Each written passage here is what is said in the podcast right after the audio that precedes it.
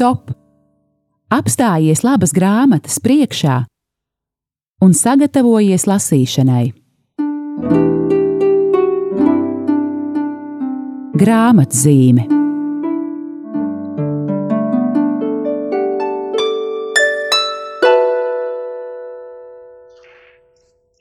Kristus augšām cēlies. Esiet sveicināti, mīļie klausītāji, kārtējā trešdiena un raidījums grāmatzīme jūsu uzmanībai. Un eh, šis ir sezonas pēdējais raidījums, un tādēļ tas būs arī nedaudz citāds. Es ceru, ka īpaši salīdzinot ar citiem. Un proti, ir tā, ka um, tuvojas vasara, um, radio iet nelielā atpūtā attiecībā uz tiešraidēm, bet savukārt mums izdevniecībā, paldies Dievam, ir šobrīd darba pilnas rokas, ir dažādās stadijās grāmatas, pie kurām mēs strādājam un sagaidām brīnišķīgi brīnišķīgas eh, pirmizrādes daudzām jaunām grāmatām. Nu, lūk, un tad man tā šķita, ka varbūt šo sezonas pēdējo eh, raidījumu grāmatzīmi izmantosim tam, ka es jums, mīļie klausītāji, ieskicēšu trīs no grāmatām, pie kurām mēs eh, šobrīd strādājam. Pirmkārt, jau tāpēc, lai jūs ieinteresētu un lai jūs pēc kāda maza laika kļūtu par šo grāmatu lasītājiem, bet otrkārt, un tas arī ir vēl jo būtiskāk, es ceru, ka jūs eh, piepulcēsieties eh, eh, to cilvēku lokam, kuri arī lūgs par šo grāmatu, par darbu pie šīm grāmatām. Tiešām lūdzu, ja jums ir brīva telpa jūsu lūgšanās, jūsu labajās domās, lūdzu paņemiet šo, šī, šo grāmatu ieceres. Tiešām lūgsim Dievam svētību, lai šīs grāmatas brīnišķīgi izdodas. Un par ko ir runa? šobrīd strādājam. Turklāt mums ir vēl kā, iestrādēs jau arī citi projekti, bet šodien gribu celt jūsu priekšā trīs no šiem projektiem. Pirmais no tiem um, priestera Mišela Remerī uh, darbu Tvītojot ar Dievu. Ļoti interesantu izdevumu jauniešiem. Un attiecībā uz šo grāmatu pastāv tāda reāla cerība, ka mēs to dabūsim gatavu jau uz Aglonas svētkiem. Un šis ir vēl viens lūkšana nodoms. Cerēsim, ka aprimsies visas, visi sarežģījumi saistībā ar Covid slimību, ka tiešām nebūs kā pagājušā gadā, ka šogad mums būs ļauts Aglonā visiem pulcēties uz skaistiem svētkiem un tostarp atvērt brīnišķīgu izdevumu jauniešiem tvītojot ar Dievu. Šis bija pirmais projekts. Otrais, mums ir tāds liels pagodinājums izdevniecībai, ka uh, sagatavošanā ir beidzot arī gadiem ilgi gaidīta grāmata, Svētās māsas Faustīnas dienas grāmata. Un pēc maz brīža arī sazināsimies ar grāmatas redaktori Astru Feldmani. Arī viņa mums dažas, dažas teikumus par šo grāmatu pastāstīs. Un visbeidzot, trešā grāmata, arī brīnišķīga, um, Ebijas Džonsonas liecība neplānoti.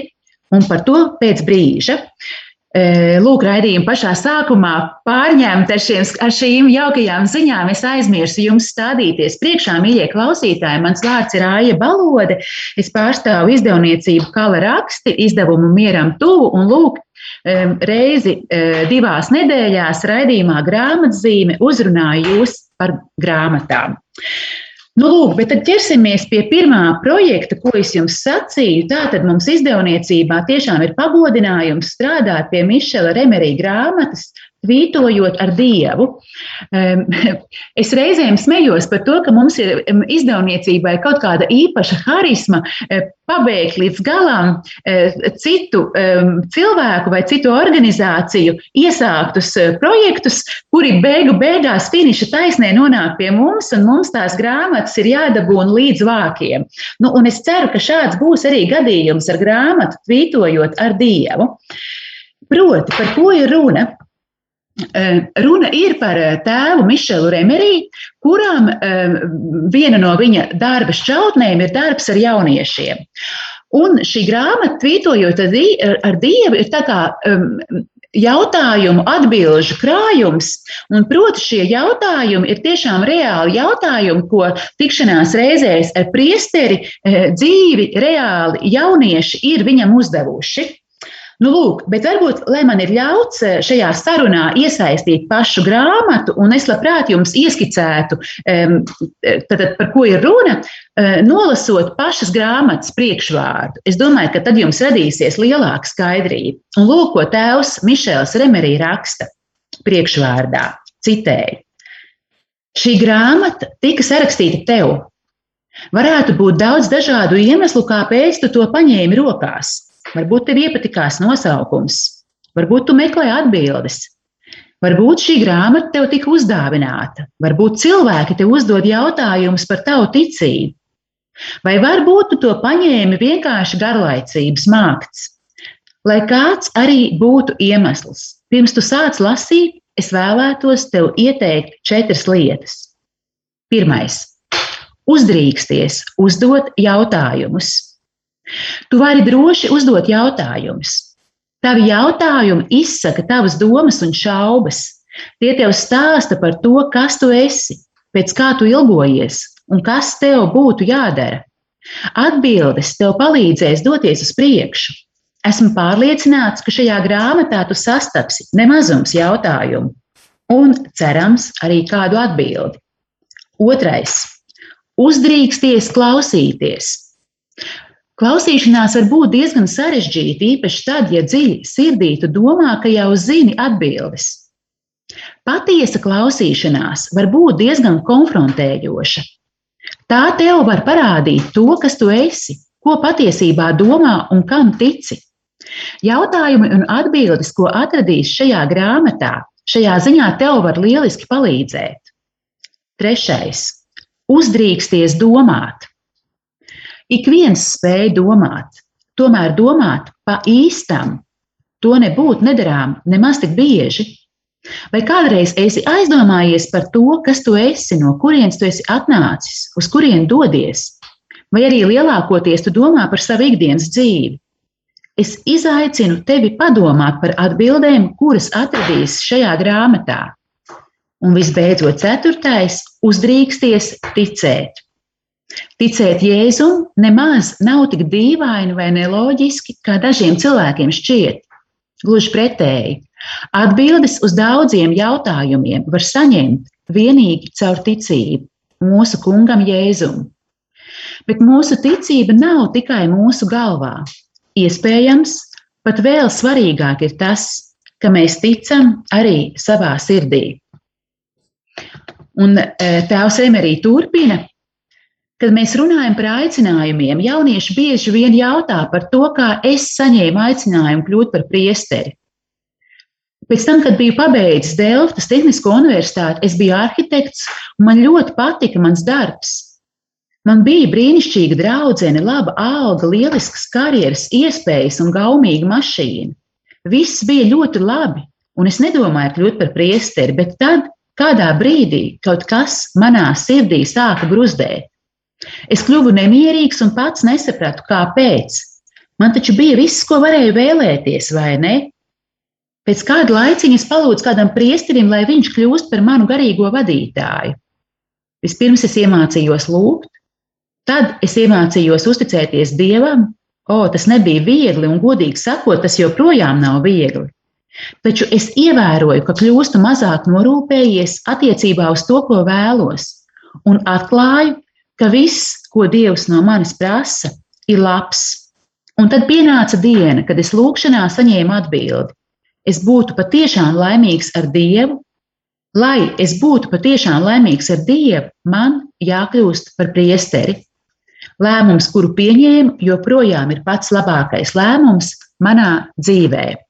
Es lieku daudz punktus, eh, tā tēvs Remerī turpina savā grāmatā, un eh, tieši tikpat godīgi, kā viņš raksta šo ievadu, kā viņš raksta šos aicinājumus, tad uh, ieklausīties, domāt, ticēt un uzdot jautājumus, tieši tikpat uh, godīgi viņš arī uz šiem jauniešu um, jautājumiem atbildi.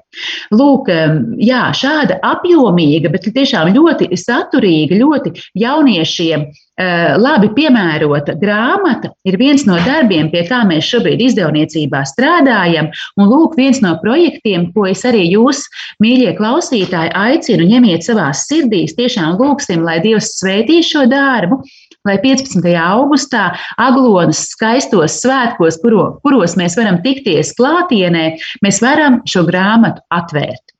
Lūk, es ievilkšu elpu, mēs savukārt visi kopā ieklausīsimies kādā mūzikas starpspēlē, un tad pievērsīsimies otrajai grāmatai, pie kā mēs šobrīd strādājam, un sazināsimies arī ar šīs grāmatas redaktori Astru Feldmani. Uz tikšanos to daļu!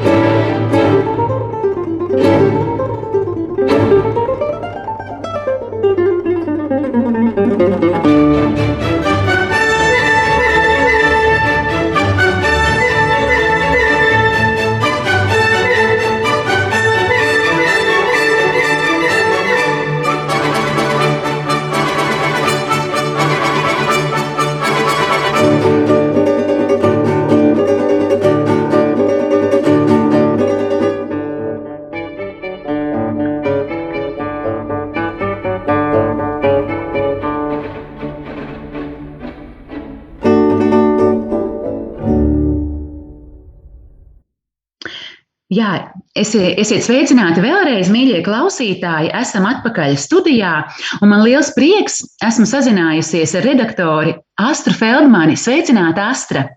Sveiki! Lūk, es tevi sveicinu no raidījuma grāmatzīme. Šis ir mūsu sezonas pēdējais raidījums, un es mūsu mīļajiem klausītājiem ieskicēju dažus projektus, pie kuriem mēs šobrīd ejot vasarā, viņi iet atpūtā, bet mēs neejam atpūtā. Mēs izdevniecībā turpinām strādāt. Tad pie kādiem projektiem mēs strādājam, kādas grāmatas gaidām. Un viens no projektiem, patiešām, par, kuru, par kuriem mēs lepojamies un, un, un kuru gaidām, ir Svētās māsas Faustīnas dienas grāmata. Teksts ir jau iztulkots, un, protams, tagad to lielo smagumu, mīļā asta, tu iznes uz saviem pleciem. Lielas paldies! Proti, tu esi šī darba redaktore. Un, Astriņa, vai es tev varu palūgt šobrīd būt par tādu šīs grāmatas vēstnieci? Nu, ieskicē, ko mēs gaidām, ko, ko lasītāji var sagaidīt. Jā, grāmata, māsas Faustīnas dienas grāmata ir jāteic ne tikai milzīgi apjomīgi, tajā ir man uz datora ekrāna 416 lapas pušu, tātad eh, ļoti, ļoti apjomīgs darbs, bet vienlaikus arī eh, man jāteic vispār no katoliskā garīguma literatūras, tas ir tāds viens no fundamentāliem darbiem. Eh, turklāt ne tikai varētu sacīt, ar, ar vēsturi un vēsturisku noskaņu, bet tas ir ārkārtīgi aktuāls, joprojām aktuāls mūsdienās. Mums visiem ļoti daudziem noteikti ir zināma uh, žēlsirdīgā Jēzus svētbilde, kur ir daudzās mūsu baznīcās, Tātad Jēzus, no kuras sirds iziet divi stāri, kas arī ir glaznota pēc Jēzus vēlēšanās. Un man jāteic arī, ka šī grāmata, šī respektīvi dienas grāmata, ko rakstīja māsa Faustīna, arī tā ir rakstīta tāpēc, ka Jēzus to vēlējās. Un viņš pat viņai sacīja, kas viņai ir jāraksta. Viņš, nu, šobrīd es esmu laimīgi tikusi 4. ceturdaļā. Viņš pat teica, tu raksti vairāk par savu ikdienas dzīvi, ne tikai par atklāsmēm un iedvesmām. Raksti, ko tu dzīvo savā ikdienā. Tas vēselēm, kuras lasīs, būs iepriecinājumi un mierinājumi. Ja? Jo vārds consolation vai consolation nozīmē gan iepriecinājumu, gan mierinājumu, kā mēs arī sakām par svēto garu. Lūk, un šī grāmata patiešām var būt mums, tā mums var kļūt par tādu iepriecinājumu, par mierinājumu, kur ik viens lasītājs var gūt kaut ko savai sirdī no tās vēsts, ko Jēzus ar masu Faustīnas starpniecību vēlējās sacīt. Un piedzīvot tieši to, kas viņam ir svarīgs, kas viņam ir aktuāls. Un man jāteic, ka grāmata, respektīvi notikumi, risinās 20. gadsimta 30. gadu noslēgumā. Tātad tieši šī ieraksta dienas grāmatā ir tapuši. Tātad it kā, nu, kā saka, sen, taču tikai pāvests Jānis Pāvils II, kas tagad ir svētais, pasludināja šo Dieva žēlsirdības kultu. Un arī tikai viņa pontifikāta laikā māsa Faustīna patiešām tika kanonizēta. Un um, ļoti, ļoti tika pētīta gan viņas dzīve, gan viņa pati, gan šis darbs. Um, un uh, savā ziņā pat bija tāda kā lielā pretestība. bija tāda milzīga pauze Ja? Un kāpēc? Tāpēc, ka uh, šis darbs patiesībā ir ārkārtīgi svarīgs un būtisks, jo pati, pati galvenā vēsts, kas tajā ir ietvērta, ir tā, ka Dievs ir žēlsirdība. Dievs ir žēlsirdīgs. Un kamēr mēs viņam uzticamies, kamēr mēs uz viņu paļaujamies, nekas mūs nevar no viņa šķirt. Un tas ir šausmīgi svarīgi. Kad māsai Faustīnai uzbruka arī sātens un tā tālāk, par to arī rakstīts, tad tas bija tas pats galvenais. Nē, nesaki to, nesaki to, nesaki to. Nesaki, ka Dievs ir labs, nesaki, ka Dievs piedos, nesaki. Tātad tā ir tā lieta, ka kamēr mēs ejam pie viņa, lai kas lai ko mēs nebūtu darījuši, vai kādu mēs nebūtu savās vai situācijas, kamēr mēs ar paļāvību ejam pie viņa, tiešām tikmēr arī mūs nekas no viņa rokām nevar izraut. Un tā ir ārkārtīgi svarīga vēsts mūsdienu cilvēkam. Mums ļoti patīk šķirot cilvēkus un sadalīt grupās, un, un tas tas skarnējums ir visu mūžu, un mēs un viņi, un labi un slikti. Mums ļoti patīk dažādi priekšraksti un kanoni un noteikumi, un es izpildu, un es tāpēc esmu labāka, un es varu parādīt kādam un pastāstīt. Bet ar Dievu ir pavisam citādi. Viņš vienkārši visus gaida, lai dāvātu savu mīlestību, vai kā māsa Faustīna saka, žēlsirdības jūra, žēlsirdības bezdibeni. Viņš gaida līdz pēdējiem. Un uh, mums, kas esam pie Jēzus tikuši, uh, šī grāmata var palīdzēt saprast, uh, vai mēs esam tikuši pie žēlsirdīgā Jēzus vai pie kāda cita, ko esam varbūt izgudrojuši, vai ko mums citi ir pastāstījuši.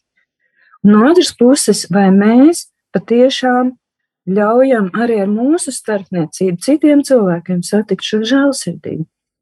To Dievu patieso vaigu, nevis to, ko mēs ar savām nepilnībām, nu, kā vēlreiz es saku arī, ko esam, varbūt nezinu, mums ir radies tāds priekšstats, radījuši. Jā, ir taisnīgums, bet ar žēlsirdību, eh, kā Jēzus saka, tad, kad ja tu aizlūdz par citiem, vai mm, tu lūdz man žēlsirdību, tad mans taisnīgums neko vairs nevar izdarīt. Mīļā Astra, sirsnīgs paldies. Tiešām tavi vārdi mani arī ļoti uzrunāja. Un es tiešām ceru, ka caur šo māsas Faustīnas dienas grāmatu ļoti daudzas eh, sirdis tiks iedrošinātas un mierinātas, kā tu sacīji, un arī iepriecinātas. Eh, paldies Dievam, protams, arī par mūsu pāvestu Francisku, kas, kas šo žēlsirdības vēsti mums turpina un turpina sludināt. Jā, tas ir tieši tas, tas precīzi.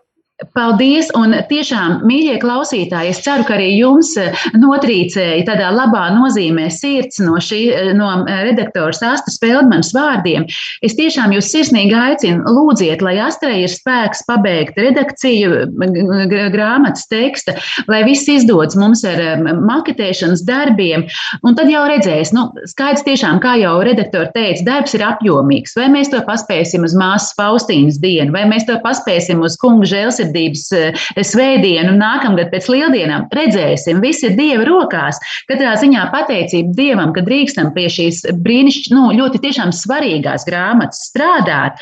Eh, to mēs arī darām un, mīļie klausītāji, ar jūsu lūgšanu atbalstu. Astiņi, paldies! Tad ieklausīsimies kādā mazā mūzikas pauzē atkal un tad turpināsim raidījumu. thank you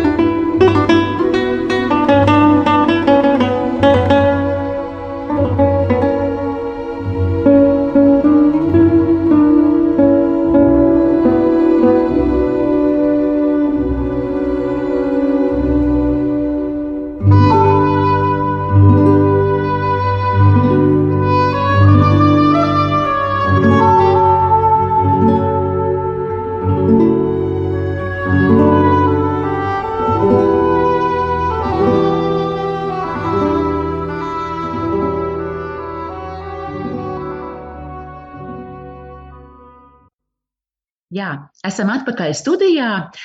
Atkal runāju ar jums. Es Aija Balode, raidījums grāmatzīme. Paldies, ka joprojām klausāties, mīļie klausītāji.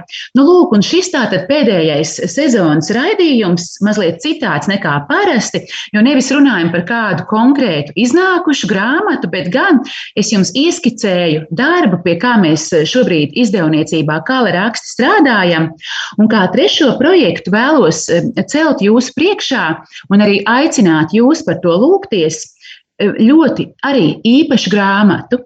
Proti, Ebijas Džonsonas liecību neplānoti.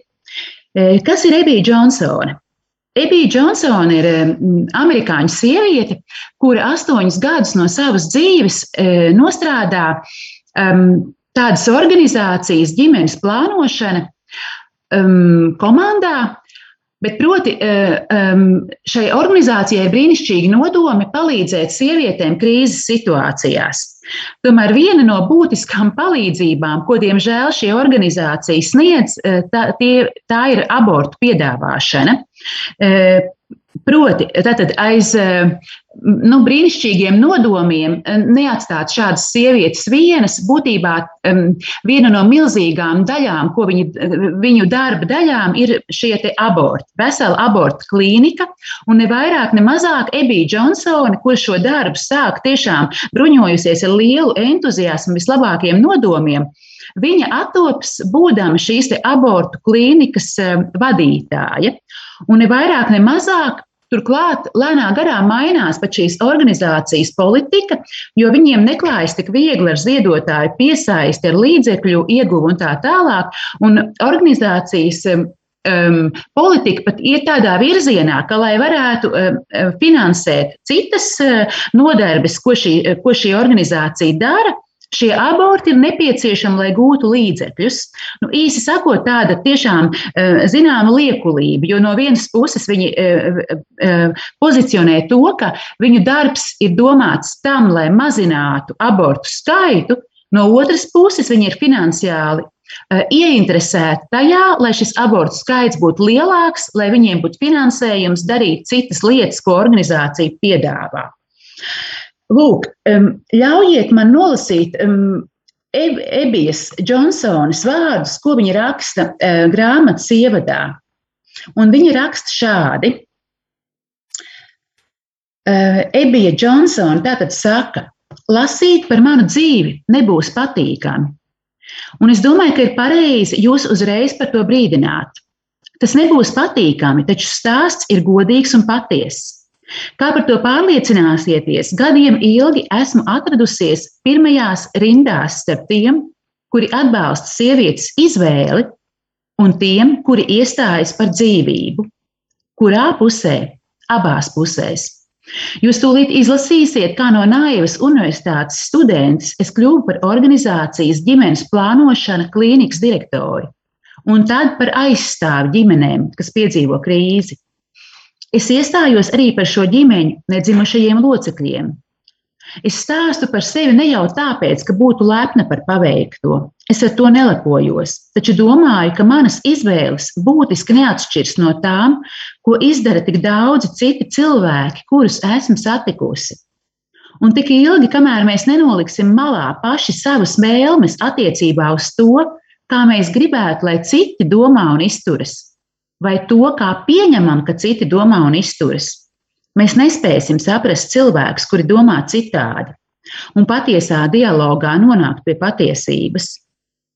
Esmu darījusi visu, kas manos spēkos, lai rīkotos atbilstoši tam, kā domāju un ko uzskatīju katrā no savas dzīves posmiem, lai cik kļūdaini, kaitinoši vai politi nekorekti mani uzskati būtu. Un tāpēc es pieņemu, ka arī jūs uzdosiet tos pašus jautājumus, kuru, kurus esmu dzirdējusi atkal un atkal. Piemēram, vai tu tiešām biji tik lēticīga? Vai tiešām tavas vērtības un tavi darbi bija tik pretrunīgi? Vai tiešām tu biji tik divkosīga, tik naiva, tik dumja, tik? Nu, jūs jau sapratāt, mana atbilde ir jā. Tāpat man bieži jautā, vai tev un pārējos darbiniekus, vai tevi un pārējos darbiniekus, kas iestājas par izvēli, tiešām vadīja līdzcietība un maigums, vai jūs tiešām motivēja vēlēšanās palīdzēt sievietēm un padarīt pasauli labāku? Jau atkal mana atbilde ir jā. Citāta beigas. Um, Ebija Džonsona turpina, proti, ka um, dzīvē situācijas, bieži vien, visbiežāk, gandrīz vienmēr ir daudz sarežģītākas nekā tādā skaistā plakātā, ko mēs varam uzzīmēt. Proti, lai cik tas mums šķistu neiespējami, tiešām arī šajā abortu klīnikā izrādās strādā cilvēki ar vislabāko motivāciju, kuri grib palīdzēt, grib, kuri grib darīt labu. Un tomēr nu, nevar noliekt, ka ar uh, pamatojumu darīt labu, viņi ir izdarījuši visnepareizāko iespējamo izvēli. Proti, iestājušies uh, pret dzīvību, iestājušies, nu, kā lai citādi pasakā, šīm sievietēm un šiem mazajiem bērniem kaitēt, nevis viņus glābt. Lūk, bet uh, par to visu izlasīsiet, protams, grāmatā. Tas, kas notiek, protams, kādā brīdī Tas nav, protams, paldies Dievam, šajā situācijā tā notiek. Ebija Džonsone attopas, kā viņa saka, ka viņa ir žogam pretējā pusē, nepareizajā pusē. Kas tas par žogu? Proti, šī abortu klīnika e, tā ir apjosta ar tādu augstu žogu, un vienmēr tajās dienās, kad klīnikā veic abortus, aiz žoga stāv savukārt dzīvības pārstāvi, e, un viņi lūdzas par sievietēm, kas ierodas uz abortu, lūdzas, lai šis aborts nenotiktu, Viņi piedāvā savu palīdzību, un tā, un tā, tā ir tāda spriedzes pilna situācija. Un tas, ko Ebija Džonsona šajā grāmatā atklāja, ka patiešām abās žoga pusēs ir cilvēki ar vislabākajiem nodomiem, bet lūk, cik dažādas ir tās lietas, ko viņi dara. Nu, katrā ziņā patiešām brīnišķīga, e, bet arī ļoti cilvēciska grāmata, bez tādas moralizēšanas, bet tiešām, kas liek sevī tiešām uzdot e, ļoti dziļus jautājumus, kurā žoga pusē tad esmu es. Un, lai man ļauts vēl raidījuma pašās beigās jums nolasīt e, vēl vienu mazu fragment no šīs grāmatas, kas arī kaut kur parāda to dramatismu, ar kuru Ebija Džonsona astoņus gadus šajā klīnikā strādājot, saskaras. Un citāts šāds: Debestiņa, es dzirdēju kādas darbinieces saucienu. Viņa bija, no, viņa bija pie viena no priekšējiem logiem, kas vērst uz žogu. Kas noticis, viņai pajautāju. Mūķene. Pie vārtiem stāv mūķene pilnā habitā. Es piegāju pie loga, lai paskatītos, un drīz vien mēs bijām jau vairāk, kas blenzām laukā. Todien ārā bija ap plus 35 grādiem karsts, bet tur svelošajā saulē stāvēja mūķene, ģērbusies smagnējā brūnā habitā, kas sniedzās līdz zemei. Viņas galva un mati bija pilnībā apsakti, tāpat redzēt varēja tikai viņas seju. Seja bija vērsta pret debesīm, acis bija aizvērtas. Viņa nepārprotami lūdzās. Ticiet vai ne, taču es nekad iepriekš nebiju redzējis mūķeni pilnā habitā, vismaz nereālajā dzīvē. Es nespēju neiedomāties par abati no mūzikas skaņām, lai arī šī mūķene acīm redzami bija daudz jaunāka, iespējams, ap 40 gadu veca. Viņas seja izskatās tik jauka, teica viena no mūsu darbiniecēm, taču sāpju pilna. Iestājās neveikls klusums. Tad kāds no mūsu brīvprātīgiem pavadīja laukā pa durvīm uz mašīnu vienu no mūsu klientēm, kurai tikko bija veikts aborts. Mūsu acis bija piekaltas mūķenei, kamēr viņa, nenolaižot skatienu no klientes, pagāja no vārtu vidus uz malu, atbrīvojot vietu, lai klienti varētu izbraukt. Un tad viņa sāka raudāt. Viņa nokrita uz ceļiem un raudāja. Bija redzams, ka šī mūķene jūt tik lielas bēdas, tik patiesas personiskas sāpes, ka es nespēju pie sevis nenodomāt, ka viņa jūt kaut ko daudz dziļāku nekā jebkad jutīšu es. Viņa bija patiesi sāpināta. Šīs sāpes, ko nes apziņa, ka viena no mūsu klientiem ir izdarījusi abortu, viņai bija reālas. Mani pārņēma kauns, Es centos to nopurināt, taču nevarēju tikt pāri faktam, ka mūķene sēroja par to, kas notika manā klīnikā. Mēs visus kādu brīdi apklusām, vairāk no mūsu darbiniekiem bija katoļi, bet pat tiem, kas nebija, juta, bet pat tie, kas nebija, jūta kopīgu nērtības sajūtu. It kā mēs būtu neveiklā situācijā vai apkaunoti. Centāmies atsākt darbu, taču ik pēc pāris minūtēm kāds paskatījās laukā pa logu un sniedz jaunāko informāciju par māsu. Piemēram, viņa joprojām raud, vai skat kāds no dzīvības aizstāvjiem viņš šobrīd mierina. Zināt, ka viņa ir tur ārā, bija nepanesami. Nākamo mēnešu laikā mēs uzzinājām, ka šo mūķeni sauc māsa Marija Bernadette. Abortu dienās viņa nāca pie žoga nedēļu pēc nedēļas. Kāda no mūsu darbiniecēm, kas bieži jokoja, ka viņa esot katolieti rehabilitācijā, kādu dienu pusdienlaikā sūdzējās. Viņa bija plānojusi to dienu doties pusdienās, taču, tā viņa sacīja, viņa nekādā gadījumā neiešot laukā no ēkas, jo negribot, lai mūķene viņu ieraudzītu. Patiesībā māsas vienkāršā, lūkšanas pilnā klātbūtne traucēja mums visiem - katoļiem, bijušajiem katoļiem, protestantiem un baznīcā negājējiem. It kā viņa kaut kādā mērā pārstāvētu mūsu sirdsapziņu. Viņai bija starojošs maigs, taču mēnešiem ritot mēs joprojām redzējām, ka aborti viņu dziļi un personiski sāpina. Cik vēl ir cilvēku, kuri raud ārpus manas darba vietas, tā darba dēļ, ko es daru? Es nodomāju. Man šis jautājums nepatika. Lūk, ar šādu nepatīkamu jautājumu es beidzu citātu no Ebijas Džonsonas grāmatas Neplānoti, taču grāmata kopumā ir, es neteikšu, ka patīkama, bet grāmata kopumā ir um, ļoti spēcīga. Tas tiešām um, liek aizdomāties um, par jautājumiem, par kuriem aizdomāties nav vērti. Jo tajā brīdī, kad mēs uh, zinām, kas ir aborts un um, kas ir šīs uh, izvēles, par kurām um, it kā labu domājot, cilvēki aicina mm, iestāties, lūk, tajā brīdī, kad mēs zinām atbildes, tad, protams, ir sev jāpasaka, kurā tad žoga pusē mēs esam. Lūk, bet kopumā grāmata tiešām ļoti brīnišķīga. E, un e, galvenais tas ir reāls cilvēka dzīves stāsts. Arī ļoti drosmīgs lēmums, kur e, sieviete vārdā Evija Džonsona pieņem lēmumu nostāties viņas prāt žoga pareizajā pusē, proti tie, pie tiem, kas dzīvību aizstāv un arī um, palīdz šīm sievietēm, kuras ir krīzes situācijās, eh, palīdz viņām aicinot neizdarīt dramatiskus um, lēmumus. Jā, pie šādas grāmatas arī mēs izdevniecībā strādājam. Um, jā, tas ir tas, ko es vēlējos jums šodien, pēdējā sezonas raidījumā, pastāstīt. Es ļoti lūdzu jūs, mīļie klausītāji, ņemiet visas šīs trīs grāmatas un mūsu izdevniecības darbu kā tādu savās lūkšanās, lai Dievs mūs svētī, lai grāmatas iznāk tieši tik brīnišķīgas, kād, kādām tām ir jābūt, un tad jau tiksimies kādā no raidījumiem grāmatzīme. Nākamā sezona un runāsim jau par iznākušām grāmatām. Brīnišķīgu jums vasaru, svētīgi un uz tikšanos atkal. Visu to labāko!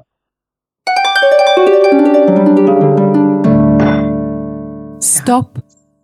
Apstājies labas grāmatas priekšā un sagatavojies lasīšanai. Grāmatzīme